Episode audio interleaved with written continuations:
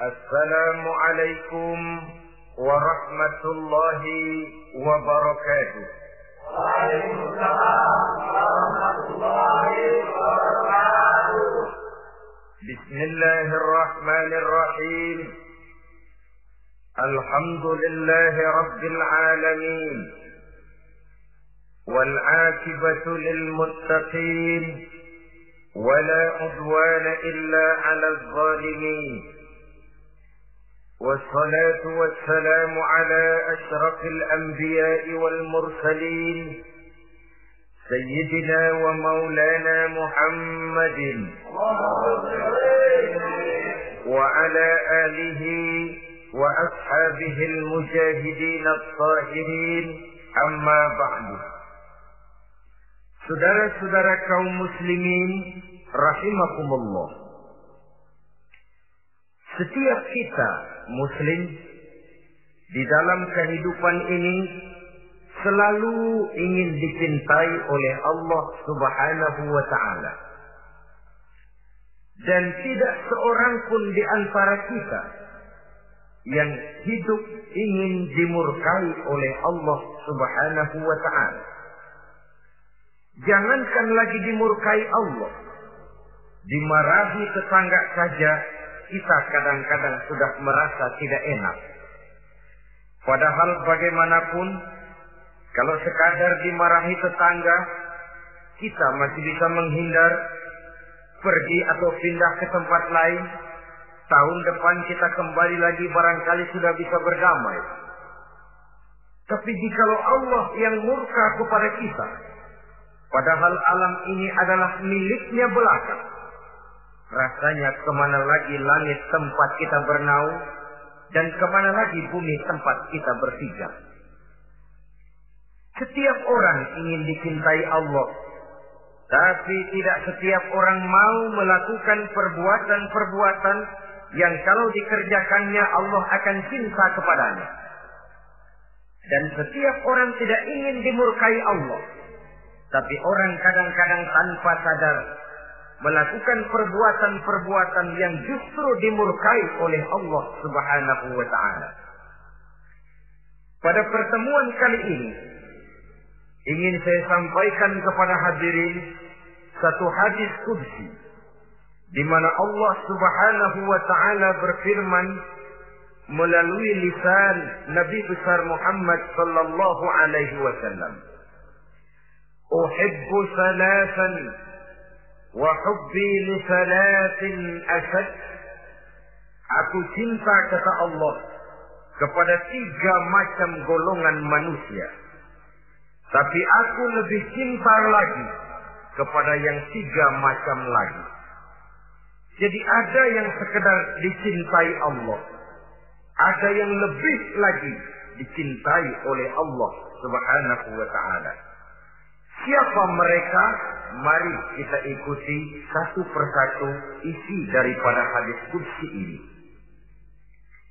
Yang pertama, Uhibbu ahlas safa.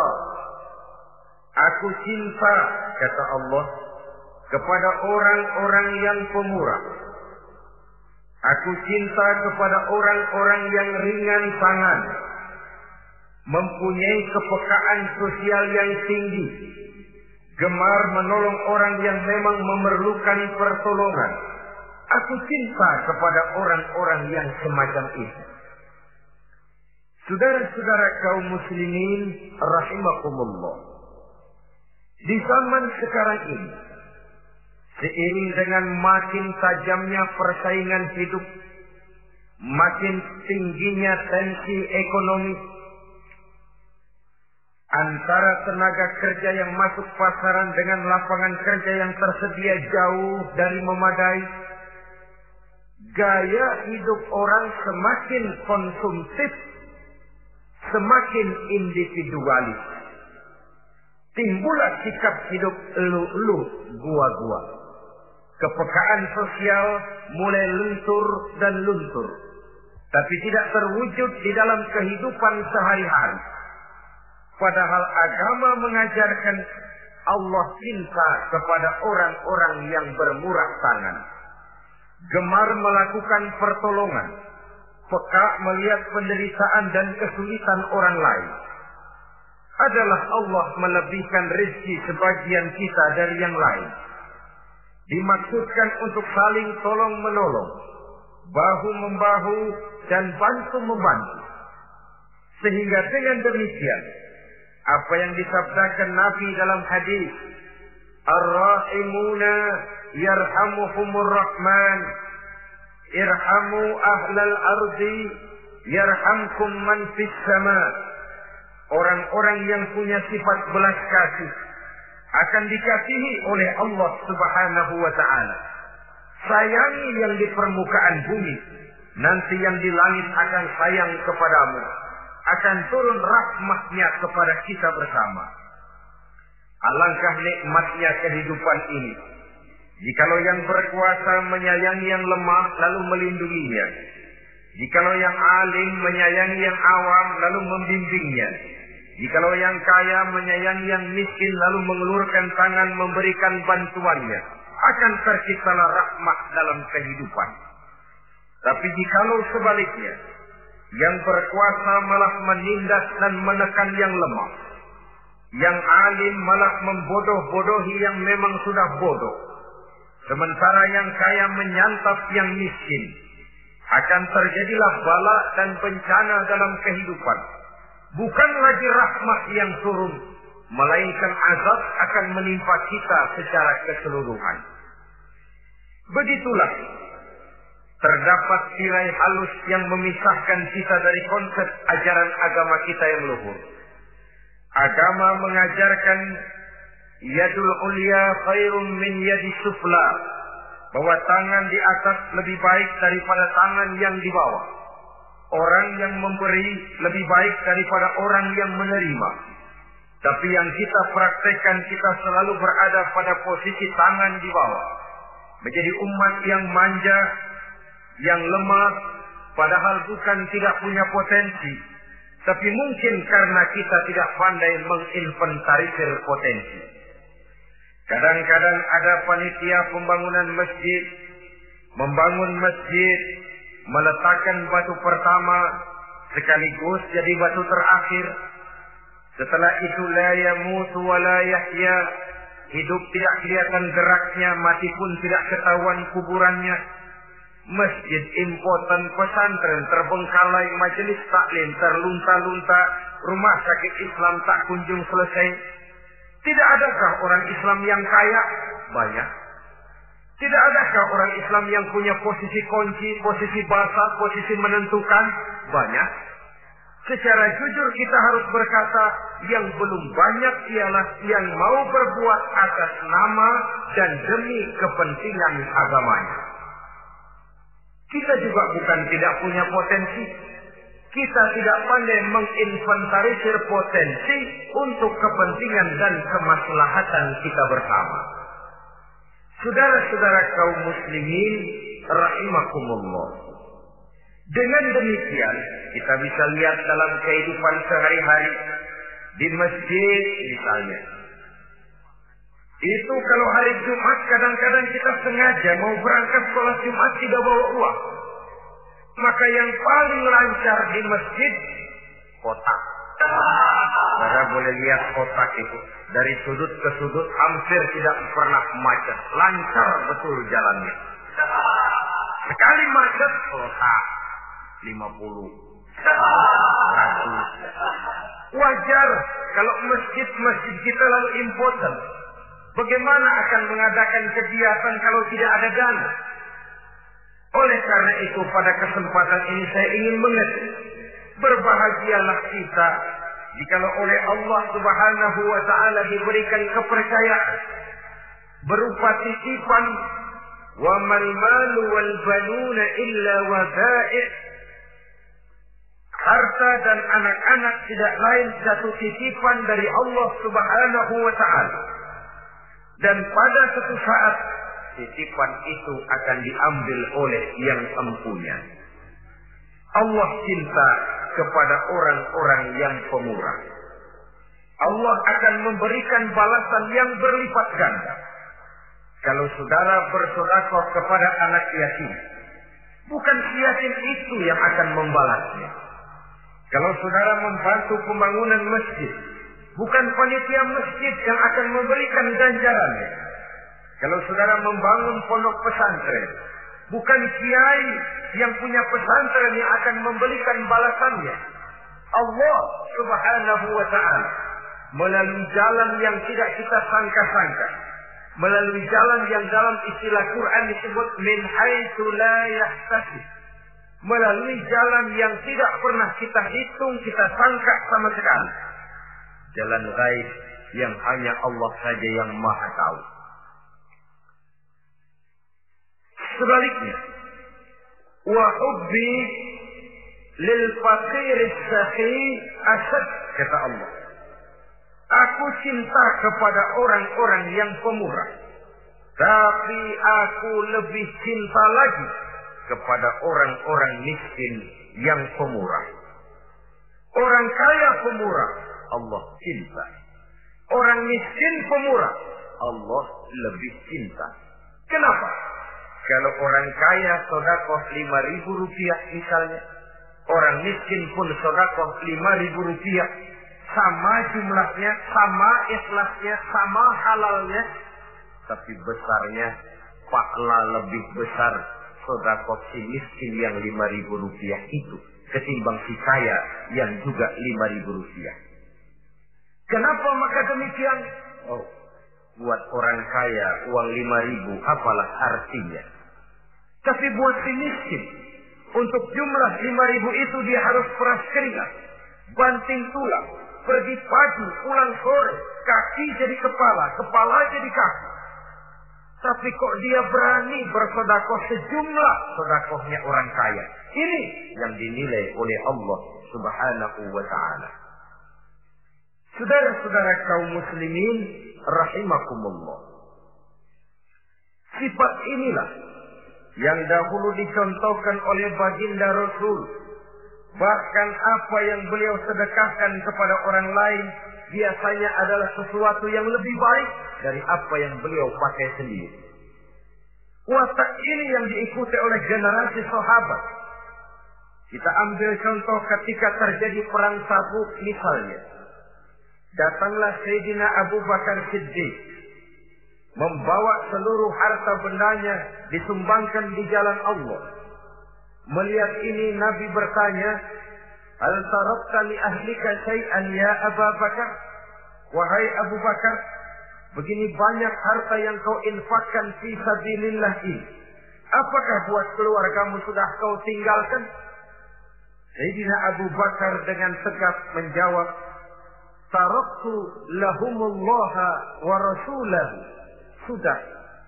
Saya tinggalkan mereka Allah dan Rasulnya. Saya tinggalkan mereka keyakinan, akidah, iman. Bahwa kalau kami menolong Allah, menolong agama, Allah akan menolong kami. Bahwa kami tidak akan jadi melarat karena memperjuangkan agama. Bahwa kami tidak akan jatuh miskin kalau harta ini kami belanjakan di jalan Allah. Kami tinggalkan keyakinan itu kepada anak-anak dan istri di rumah. Sementara harta yang ada seluruhnya kami bawa kemari. Keyakinan yang dimiliki oleh Sayyidina Abu Bakar Siddiq di zaman sekarang ini sudah merupakan keyakinan yang sangat langka. Kita belum yakin benar akan kebenaran janji Allah. Sehingga dengan demikian timbullah keraguan-raguan. Apa iya kalau saya belanjakan uang ini di jalan Allah akan ada balasannya. Apa iya kalau uang ini saya gunakan untuk melaksanakan ibadah akan datang balasannya. Padahal dalam hadis kudsi Allah menjanjikan ana inda zanni abdi. Aku ini kata Allah bagaimana menurut persangkaan hambaku saja kepadaku. Kalau dia sangka baik, insya Allah baik katanya. Kalau dia sangka tidak, aku bagaimana menurut sangka hambaku kepadaku. Itulah sebabnya dalam segala hal kita harus husnuzan. Berbaik sangka kepada Allah subhanahu wa ta'ala. Saudara-saudara kaum muslimin rahimakumullah. Inilah golongan pertama kekasih Allah. Orang-orang yang dicintai Allah. Orang-orang yang pemurah. Yang sadar bahwa harta hanya sekadar titipan dari Allah subhanahu wa ta'ala. Dan harta menurut Nabi. Apabila sudah kita belanjakan di jalan Allah. Dia akan berkata. Pertama. Kuntu qalilatan fakasartani jumlahku sebenarnya sedikit. Tapi lantaran engkau sedekahkan aku, engkau belanjakan aku di jalan Allah, maka jumlahku jadi banyak. Kau sedekah seribu, dibalas tujuh ribu, dikali sepuluh, dikali seratus, masih ditambah wallahu yudha'ifu liman yasha. Allah melipat gandakan pahala kebajikan dari orang-orang yang dikehendakinya. Yang kedua harta itu akan bicara lagi. Kuntu faniyatan fa'abqaitani. Aku ini sebenarnya fana. Tidak kekal. Berubah. Relatif dan temporer. Sirna oleh pergeseran masa dan pertukaran waktu. Tapi lantaran engkau sedekahkan aku. Engkau belanjakan aku di jalan Allah. Maka nilaiku jadi kekal. Akan mendampingi engkau sampai di hadratullah azza wa jalla di akhirat nanti. Jadi harta yang kita tumpuk-tumpuk, yang kita sangka akan mengekalkan kita sampai tidak akan miskin tujuh keturunan. Dengan segala macam cara kita tempuh, dia bukan harta yang kekal. Yang kekal, yang kita belanjakan di jalan Allah subhanahu wa ta'ala. Itu milik kita yang benar-benar akan kita nikmati. Yang ketiga, harta itu akan berkata lagi, Kunta harisi, fal ana sirtu harisata. Dahulu kamulah yang menjaga saya. Tapi sekarang setelah saya sedekahkan, setelah engkau sedekahkan aku, setelah engkau belanjakan aku di jalan Allah, bukan engkau lagi yang jaga aku, kata si harta, akulah yang akan menjagamu. Di dunia orang yang rajin sodako, sodakonya itu menolak bala, terhindar dari segala bencana dan musibah. Sementara di akhirat, sodakonya itu akan menjadi dinding yang menjaga dia dari jilatan api neraka. Demikian harta yang sudah kita infakkan, kita belanjakan, kita sedekahkan di jalan Allah itu. Akan menjadi pejaga kita. Sehingga Nabi menyatakan, Inna sadaqatal mar'il muslim tazidu fil umri wa tadfa'u mitatas su'i. Sesungguhnya sedekahnya seorang mukmin dapat menambah umur panjang dan menyelamatkan seseorang dari mati secara su'ul khatimah. Marilah kita melihat bahwa agama ini memerlukan kita. Bahwa umat ini mengharapkan pengorbanan kita dengan segala kemampuan yang ada pada diri kita, mari kita menyadari bahwa harta kita yang benar-benar milik kita sesungguhnya yang sudah kita belanjakan di jalan Allah Subhanahu wa taala. Saudara-saudara kaum muslimin rahimakumullah. Inilah golongan pertama. Golongan yang kedua yang dicintai oleh Allah Subhanahu wa taala, uhibbul mutawadhi'in Aku cinta kata Allah kepada orang-orang yang rendah hati. Orang-orang yang membawa ilmu padi. Makin berisi, makin merunduk. Makin di puncak, makin sadar akan kelemahan dan keterbatasannya. Aku cinta kepada orang-orang yang rendah hati. Adalah satu sifat dari Rasulullah Sallallahu Alaihi Wasallam yang diriwayatkan oleh Imam Abu Ja'far Al-Barzanji misalnya dalam rawi Barzanjinya kana sallallahu alaihi wasallam syadid al-haya'i wat tawadhu adalah Rasulullah sallallahu alaihi wasallam. Seorang yang sangat pemalu dan sangat rendah hati. Tawadhu tidak melonjak menjadi angkuh dan sombong. Walaupun beliau adalah asraful anbiya wal mursalin. Nabi dan rasul termulia imamul muttaqin, imamnya orang-orang yang bertakwa, rahmatan lil alamin, diutus sebagai rahmah bagi seluruh alam. Tapi tawatuknya demikian luar biasa. Ketika beliau terusir dari Mekah, kita bisa membayangkan meninggalkan kampung halaman, meninggalkan keluarga yang berbeda akidah hijrah ke Madinah. Tapi pada lain kesempatan, ketika beliau dengan bala tentaranya masuk ke kota Mekah dan orang-orang kafir Quraisy yang kita kenal dalam peristiwa Fathu Makkah itu gentar hati mereka sembunyi di dalam rumahnya masing-masing. Mereka masih ingat beberapa tahun yang silam di kala Nabi Muhammad dan para sahabatnya dikejar-kejar terusir dari Mekah hijrah ke Madinah sekarang Rasul kembali ke Mekah dengan segala keperkasaan bala tentaranya mereka berpikir Andai kata Muhammad mau saja membalas dendam, habis kita ini. Habis tidak akan tersisa. Dahulu dia kita caci maki. Dahulu dia kita usir. Dahulu dia kita kejar-kejar untuk kita bunuh. Sekarang kita tidak berdaya. Muhammad dengan perkasa. Dengan bala tentaranya yang gagah sekarang masuk ke kota Mekah. Apa yang harus kita lakukan? Mereka menunggu dan menunggu. Dan Nabi dengan gagah masuk ke kota Mekah bersama bala tentaranya. Apa ucapan yang pertama beliau lontarkan? Pembalasan dendam? Tidak. Mencari orang-orang yang dulu mengejar, memusuhi, mengancam akan membunuhnya? Tidak. Beliau tidak teriak-teriak, mana itu Abu Jahal? Mana itu Abu Lahab? Mana itu Abu Sufyan? Mana itu dulu orang-orang yang memusuhi saya dan sahabat saya? Ayo keluar kalau berani, ha? Tidak. Pidato ucapan pertama yang keluar dari bibir yang mulia itu sungguh di luar perkiraan kufar Quraisy. Apa jawab Nabi? Pidato Nabi? Al-yauma yaumul marhamah. Eh, tuan-tuan para Quraisy, tidak usah khawatir. Hari ini adalah hari yang penuh kasih sayang. Saya masuk ke kota Mekah semata-mata untuk menunaikan ibadah. Tidak akan ada balas dendam.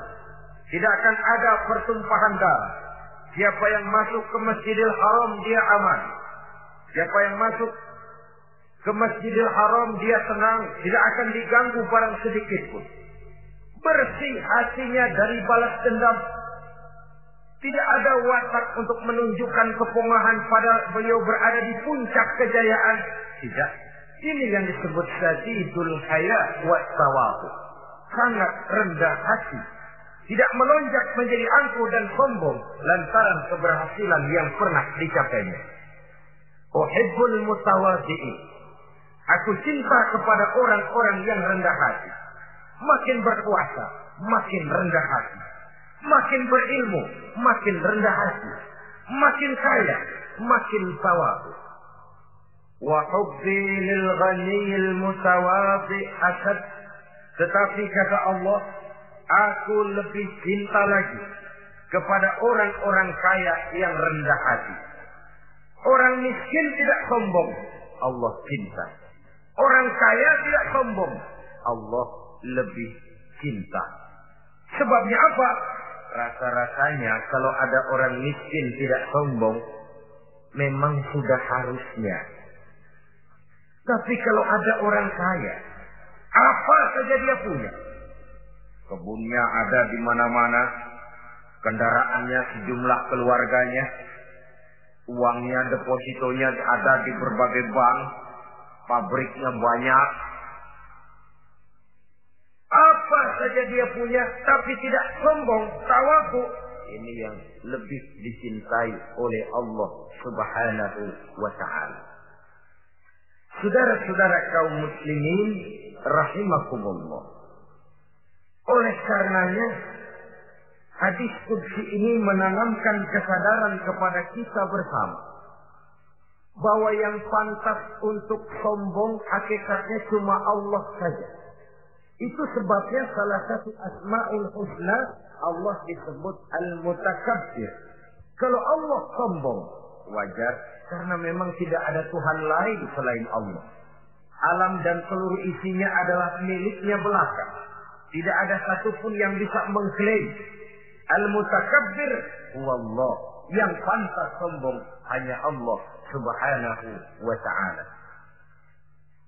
Saudara-saudara kaum muslimin rahimakumullah. Yang ketiga, orang yang dicintai oleh Allah Subhanahu wa taala uhibbut taibin. Aku cinta kepada orang-orang yang bertaubat. Kepada orang-orang yang apabila berbuat kesalahan, dia segera sadar Dijadikannya kesalahan itu sebagai satu pelajaran untuk tidak diulanginya lagi pada masa yang akan datang.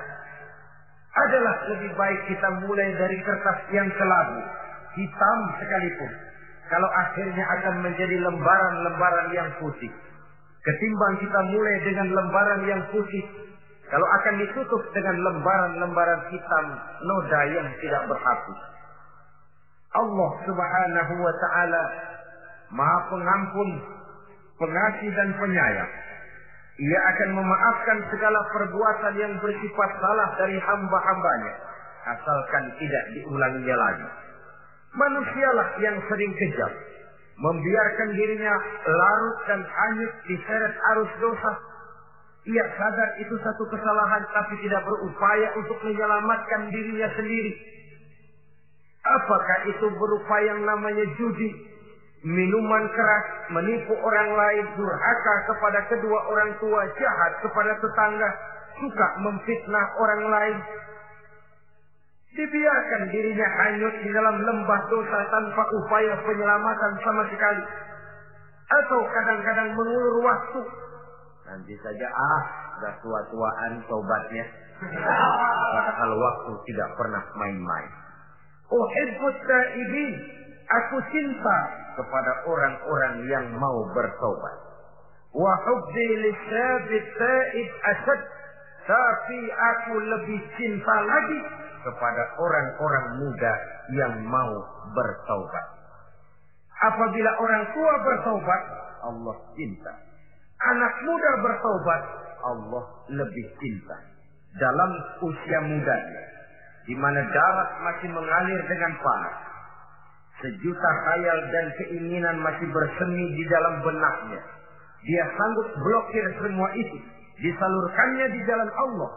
Allah cinta sekali kepada orang-orang semacam itu. Saudara-saudara kaum muslimin rahimakumullah. Kalau tadi sudah saya jelaskan tiga golongan orang-orang yang dicintai Allah yakni para kekasih Allah. Orang-orang yang pemurah, gemar memberikan pertolongan. Kemudian yang kedua, orang-orang yang rendah hati. Dan yang ketiga adalah orang-orang yang suka bertaubat. Maka kemudian hadis kudsi ini dilanjutkan oleh Allah Subhanahu wa taala dengan menjelaskan lawanan dari tiga golongan tadi. Kalau tiga golongan tadi adalah orang-orang yang dicintai Allah, maka tiga golongan yang berikutnya adalah mereka yang dibenci, dimurkai oleh Allah Subhanahu wa taala. Siapa mereka? Jumlahnya juga tiga, lawanan dari yang tiga tadi pertama.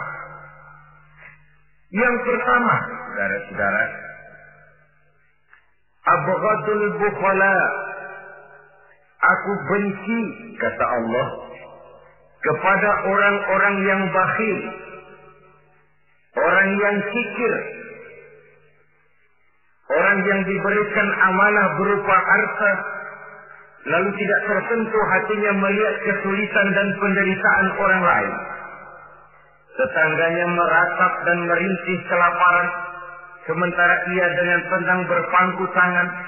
Padahal ada kelebihan rizkinya. Ia tahu kesulitan orang lain. Tapi ia tidak berusaha mengulurkan tangan memberikan bantuan. Kenapa seseorang bisa terjebak ke dalam penyakit batil dan kikir alias pelit seperti ini? Oleh karena harta benda dunia itu sudah berakar kuat di hatinya. Tidak mau lepas lagi ia dari sana. Tidak mau berpisah ia dengan harta itu walau sedikit jua pun. Dan memang para ulama sufi mengajarkan. Orang kaya itu ada dua. Ada orang kaya hakiki, ada orang kaya majazi. Orang kaya hakiki, orang kaya sebenarnya adalah orang yang kaya hatinya.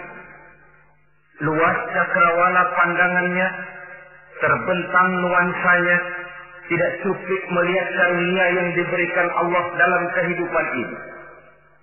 Orang yang kaya hati, inilah orang kaya hati. Adapun orang kaya majazi adalah orang yang banyak hartanya tapi miskin hatinya. Hidupnya sudah melimpah tapi ia selalu merasa kurang, maka ia tidak pernah cukup. Posisinya sudah kaya tapi ia masih merasa miskin, maka ia pun selalu miskin. Imam Ghazali rahimahullah memberikan contoh yang indah. Perjalanan hidup manusia sama dengan naik kapal laut yang besar menuju pulau bernama akhirat mencapai pantai surga bahagia. Kapal ini akan singgah di satu pulau bernama dunia. Para penumpang diperbolehkan turun, tapi sebelumnya diingatkan lebih dahulu bahwa ini cuma sekedar tempat transit. Di dunia, di pulau yang bernama dunia, para penumpang boleh mengambil apa yang memang diperlukan untuk bekal dalam perjalanan. Tapi jangan lupa bahwa kapal akan melanjutkan perjalanan menuju kepulauan akhirat yang kekal dan abadi. Maka turunlah para penumpang ke pulau yang bernama dunia ini. Macam-macam tingkah lakunya ketika mereka menjejakkan kaki ke pulau dunia. Ada yang tetap sadar kepada pesan nakoda. Dia turun ke pulau yang bernama dunia, yang hijau, ranau, indah, memikat, mempedaya, mempesona. Tapi ia tetap sadar, ini cuma tempat transit. Ini cuma tempat persinggahan sementara Bukan ini tempat yang akan saya tuju. Kapal akan segera berangkat. Saya harus bersiap-siap. Diambilnya apa yang diperbolehkan di pulau bernama dunia sebagai bekal menuju perjalanan akhirat. Dan setelah itu dia segera kembali ke kapal untuk melanjutkan perjalanannya. Ada pula penumpang yang lalai. Ketika turun ke pulau bernama dunia ini, ia lupa kepada pesan sang nakoda.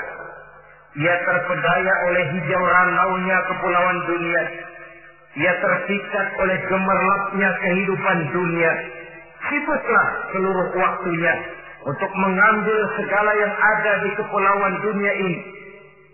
Ia menyangka bahwa ia sudah sampai kepada tujuan yang sebenarnya. Dikala peluit kapal berbunyi, Pertanda kapal akan segera berangkat. Rupanya baru sadar dia bahwa ini bukan tujuan yang sebenarnya. Ia berusaha kembali ke kapal. Walaupun masih bisa ikut naik kapal. Tapi sayang tempatnya sudah ditempati oleh orang lain. Inilah contoh dari orang-orang yang kehidupan dunia telah melalaikan mereka daripada tujuan akhirat. Yang lebih celaka adalah nasib penumpang ketiga. Mereka yang tertinggal sama sekali di kepulauan dunia ini. Mereka lah orang-orang kafir, orang-orang munafik, orang-orang musyrik. Bagi mereka, surgalah dunia ini. Bila kehidupan dunia berakhir, berakhir pula lah surganya sampai di situ. Ia menyangka sudah sampai kepada terminal akhir Padahal cuma sekedar halte. Tempat di mana kapal singgah sebentar saja untuk melanjutkan perjalanan menuju kepulauan akhirat yang kekal dan abadi. Saudara-saudara kaum muslimin rahimakumullah. Orang-orang yang sadar bahwa dunia cuma sekedar satu tempat transit. Maka kesadaran itu menggugah dia kepada keyakinan terhadap kalimat inna lillah wa inna ilaihi raji'un. Segalanya datang dari Allah, segalanya akan kembali kepada Allah. Tidak ada yang dibawanya saat ia terlahir ke alam dunia ini. Dan tidak akan ada yang dibawanya kembali saat ia keluar meninggalkan alam dunia ini. Kecuali iman dan amal soleh yang dikerjakannya di dalam kehidupan kita. Bukan bakhil yang menyebabkan orang cepat jadi kaya. Bukan pemurah yang menyebabkan orang jatuh miskin dan bangkrut. Tetapi kesadaran bahwa segalanya datang dari Allah, segalanya akan kembali kepada Allah, akan membuat kita walaupun memiliki harta dan benda, tapi ia tidak berurat dan berakar di dalam hati. Abu Hajjal Bukhala kata Allah, aku benci kepada orang-orang yang bakhil. Kadang-kadang jangankan untuk orang lain, untuk kepentingan agama, dirinya sendiri saja tidak bisa menikmati kekayaannya.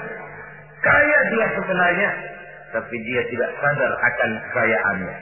Lebih celaka lagi dia tidak tahu untuk apa kekayaan itu akan dipergunakan. Lahirnya mazhab materialisme, hidup serba cukup, serba ada, seperti yang kita lihat di negara-negara yang makmur, di Eropa bagian barat misalnya. Keluarga-keluarga jet set yang akhirnya bingung karena kebanyakan harta. Kalau kita di timur umumnya bingung karena tidak punya harta.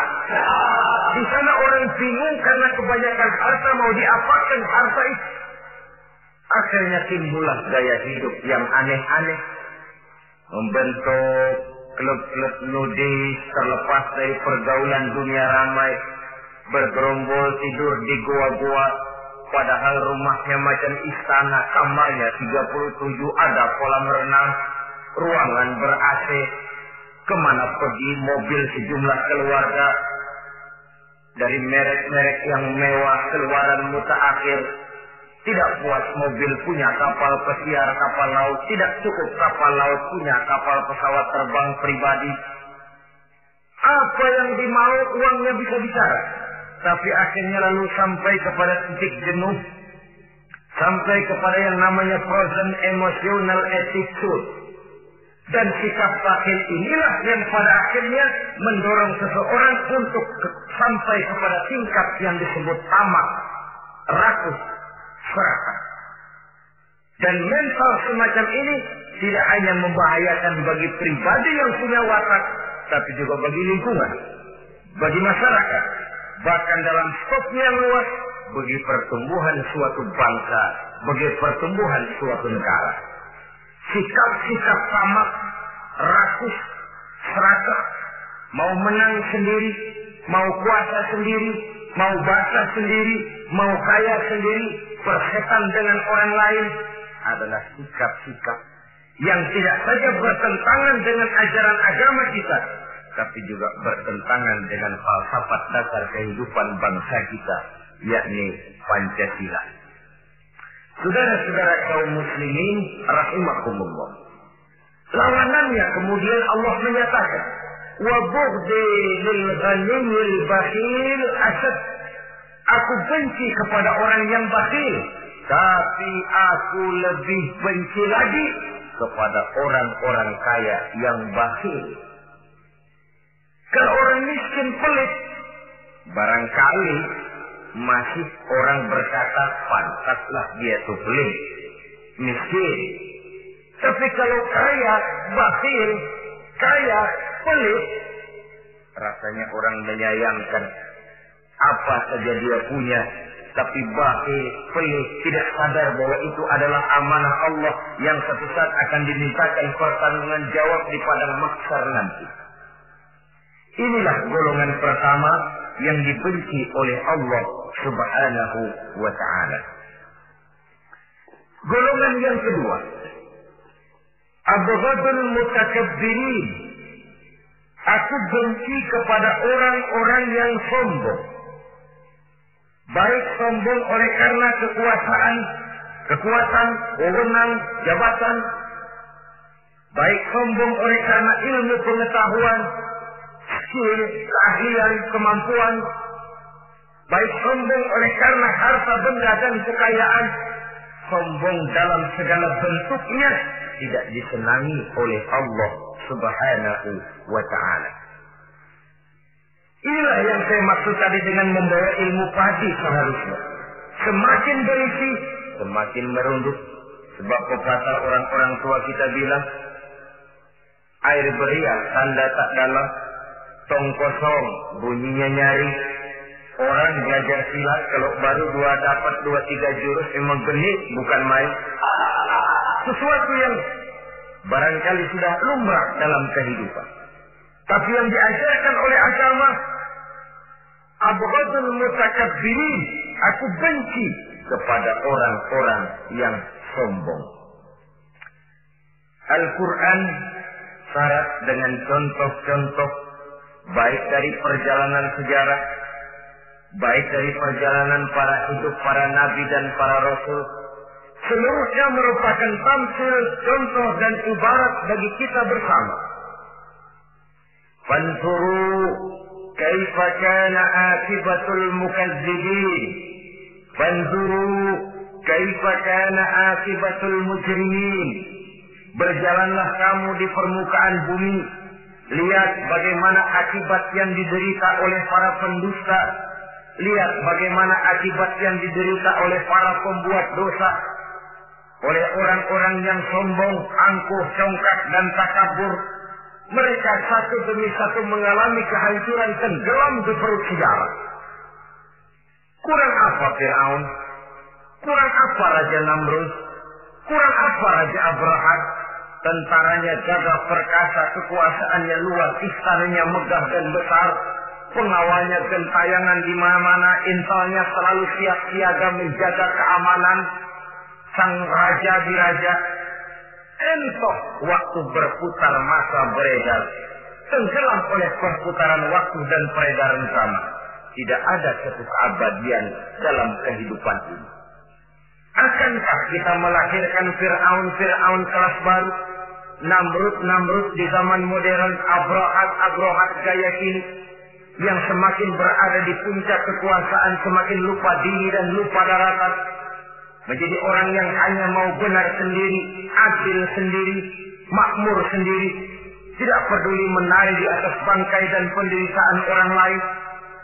Akankah kita melahirkan korun-korun gaya baru yang sombong oleh karena harta kekayaan yang berlipat ganda? Ataukah kita akan melahirkan barsisul-barsisul abid gaya baru yang sombong oleh karena ilmu pengetahuan yang dimilikinya? Marilah kita menyadari al-mutakabbir huwa Allah yang pantas boleh dan sombong wajar untuk sombong cuma Allah subhanahu wa ta'ala. Abghadul mutakabbirin aku benci kepada orang-orang yang sombong. Saudara-saudara kaum muslimin rahimakumullah. Lawanannya kata Allah selebihnya wa bughdi lil fatir mutakabbir asad tetapi kata Allah aku lebih benci lagi kepada orang miskin yang sombong ini yang sudah tidak punya pilihan. Orang pintar sombong barangkali lumayan. Goblok sombong minta ampun. Pejabat sombong barangkali karena punya pangkat. Rakyat sombong apa yang mau disombongi? Orang kaya sombong barangkali karena kekayaannya. Melarat miskin sombong minta ampun. Sebab itu kata Allah, aku benci kepada orang-orang sombong, tapi aku lebih benci lagi kepada orang-orang miskin yang sombong. Hadis kudsi ini tentu saja memberikan satu kesadaran rohani yang paling dalam pada kehidupan kita setiap pribadi muslim. Bahwa kita sejauh yang bisa kita lakukan hanyalah berusaha berbuat. Kita terikat oleh sunnatullah kata kita orang beragama hukum alam kata para ahli alam natural of law katanya. Tapi di sebalik itu sesungguhnya segala hasil usaha kepastian dan ketentuannya hak prerogatif dari Allah Subhanahu wa taala. Sehingga pada puncaknya kita akan sampai kepada pengakuan yang paling jujur la haula wa la quwata illa billah. Tidak ada daya kita, tidak ada kekuatan kita kecuali apa yang memang telah diberikan Allah. Ialah sumber daya, sumber gerak, sumber seluruh kekuatan dan kita manusia hanya mencapai itu kalau dikaruniai oleh Allah Subhanahu wa taala. Sewajarnya makin bertambah ilmu, makin sadar kita akan kebodohan kita. Seperti yang diucapkan oleh Al-Imam Syafi'i rahimahullah, setiap tambah ilmuku, bertambah tahulah aku akan kebodohan. Sewajarnya Semakin bertambah harta kita, semakin sadar kita akan kemiskinan kita. Semakin bertambah tinggi pangkat dan jabatan kita, semakin sadar kita dari mana kita datang, ke mana kita akan pulang, dan di mana kita akan sekarang, berada sekarang. Dengan kata lain, ilmu itu, harta itu, pangkat dan kedudukan itu, sesuatu yang perlu, perlu dan perlu. Tapi bukan sebagai tujuan, Semuanya cuma sekedar alat. Tujuannya apa?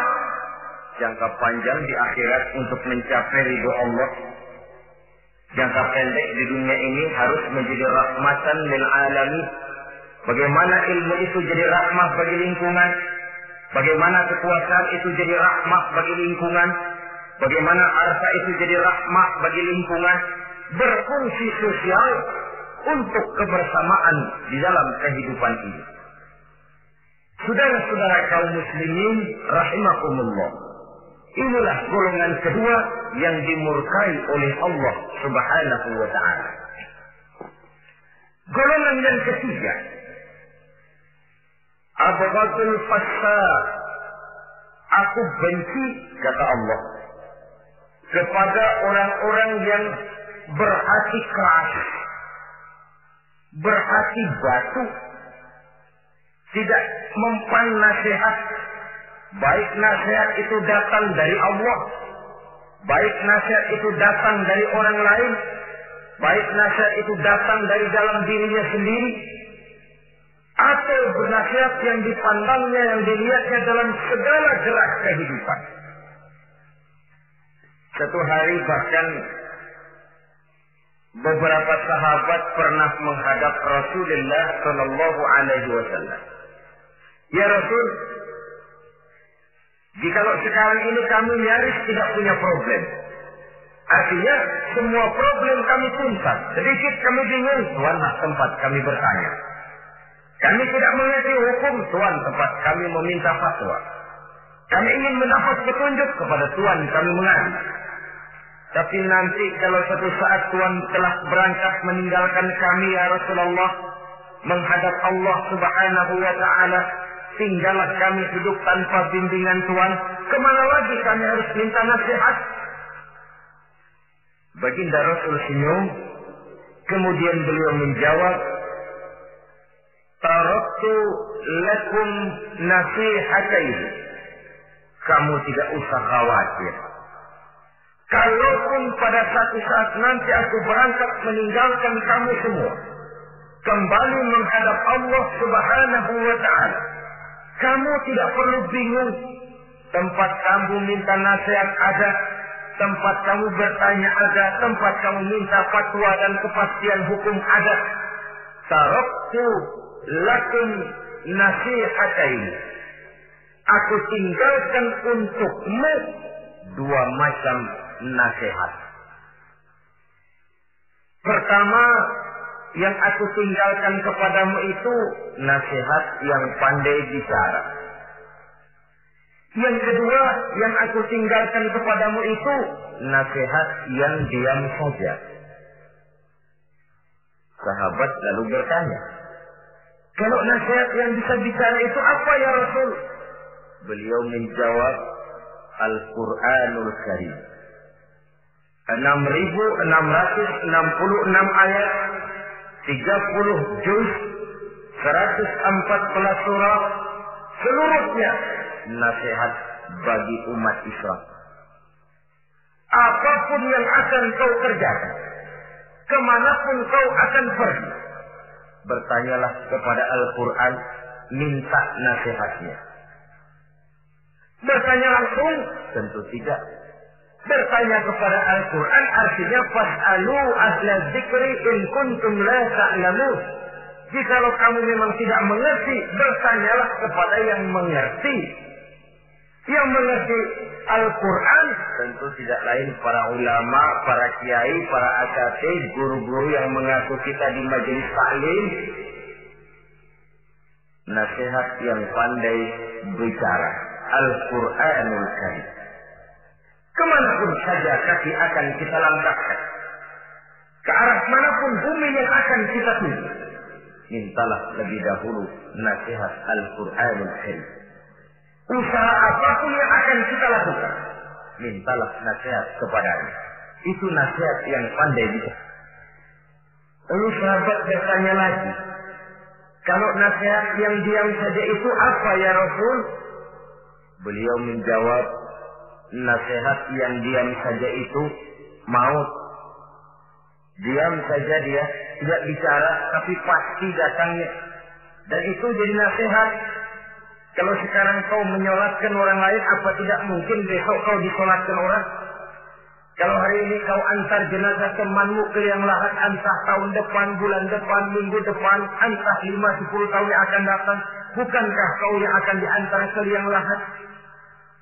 Kau tengoklah temanmu itu. Matanya masih ada tapi sudah tidak sanggup lagi melihat. Jangankan melihat, digerakkan saja pun sudah tidak bisa. Telinganya belum ke mana-mana tapi sudah tidak mampu. Lagi mendengar. Kakinya masih cukup tapi sudah tidak mampu untuk dipakai berjalan. Tangannya masih ada tapi tidak ada lagi yang bisa dipegangnya. Apa yang kurang kalau sudah demikian? Kau tumpuk harta kekayaan untuk tujuh turunan. Kau sangka kau tidak akan mati karena itu. Kau ingin selalu berada di puncak padahal hidup ini mendaki dan menurun. Ini seluruhnya merupakan nasihat. Orang yang hatinya keras tidak mempan nasihat yang datang dari Allah, Quran dan mau. Nasihat yang datang dari orang lain Kadang-kadang diberikan nasihat lebih pandai dia berkilah, berkilah, lebih pandai dia berkelit, lebih pandai dia berjawab. Orang yang memberi nasihat baru bicara satu, dia sudah sepuluh. Nasihat yang datang dari orang lain tidak juga bisa menyentuh hatinya. Atau nasihat yang timbul dari dalam dirinya sendiri. Kulit yang mulai berkerut, uban yang mulai bertabur, gigi yang permisi satu demi satu itu kan seluruhnya merupakan nasihat. Tapi orang yang hatinya keras, kasar, istilah kita barangkali sudah kulit, badak, muka, tembok, kuping, kebo, masuk dalam golongan khatamallahu ala qulubihim. Allah sudah tutup cap, Allah tempel hati mereka. Tidak masuk lagi nasihat. Na'udzubillah, summa na'udzubillah.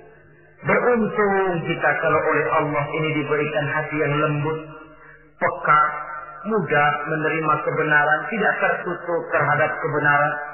Walaupun kebenarannya itu datang dari seorang budak yang hitam legap. Karena memang agama mengajarkan khuzil hikmata wa min ayyi wi'ain kharajat. Ambillah hikmah, ambillah kebenaran. Tidak usah terlalu kau pedulikan dari mana sumbernya asal itu merupakan kebenaran, jadikan sebagai nasihat di dalam kehidupan. Saudara-saudara kaum muslimin rahimakumullah.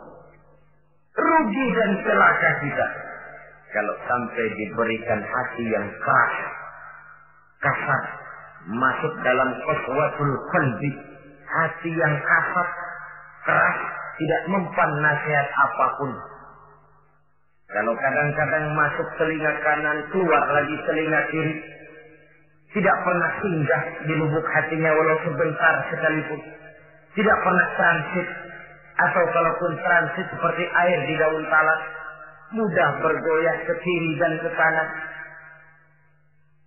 Allah benci kepada orang-orang yang hatinya keras. Selanjutnya, bughdil syekhil fasik asad. Tapi kata Allah, aku lebih benci lagi kepada orang tua yang hatinya keras. Tua-tua keladi katanya, makin tua makin menjadi. Kalau ada anak muda bandel, nakal, setidaknya orang masih punya harapan. Masih ada orang berkata, ya doain aja dah. Mudah-mudahan dia makin dewasa, makin lurus jalan hidupnya, makin benar langkahnya, makin sadar rasa keagamaannya. Masih ada ucapan seperti itu. Tapi kalau sudah tua, malah makin gila. Orang sudah habis harapan. Paling orang bilang, ah, tua aki-aki, udah asar, udah maghrib. Udah dekat ke lubang kubur. Bedung menggel masih nyingsok aja di perapatan. Saudara-saudara kaum muslim, habis rasanya harapan orang. Aku benci kepada orang yang hatinya keras. Tapi aku lebih benci lagi kepada orang tua yang berhati keras. Kenakalan remaja dibenci Allah. Kenakalan orang-orang tua lebih dibenci oleh Allah Subhanahu wa taala. Saudara-saudara kaum muslimin rahimakumullah. Semoga kita termasuk ke dalam golongan orang-orang yang